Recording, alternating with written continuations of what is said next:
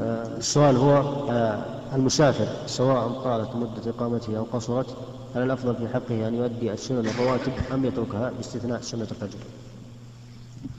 أولا يجب أن نعلم أن المسافر مطلوب منه أن يتنفل بجميع النوافل ما عدا راتبة الظهر وراتبة المغرب وراتبة العشاء ثلاث والباقي يفعل كل شيء فإن قال أنا أحب أن أتطوع قبل الظهر وبعد الظهر وبعد المغرب وبعد العشاء قلنا لا مانع. تطوع لكن بغير النية الراتبة بنية النفل المطلق. نعم.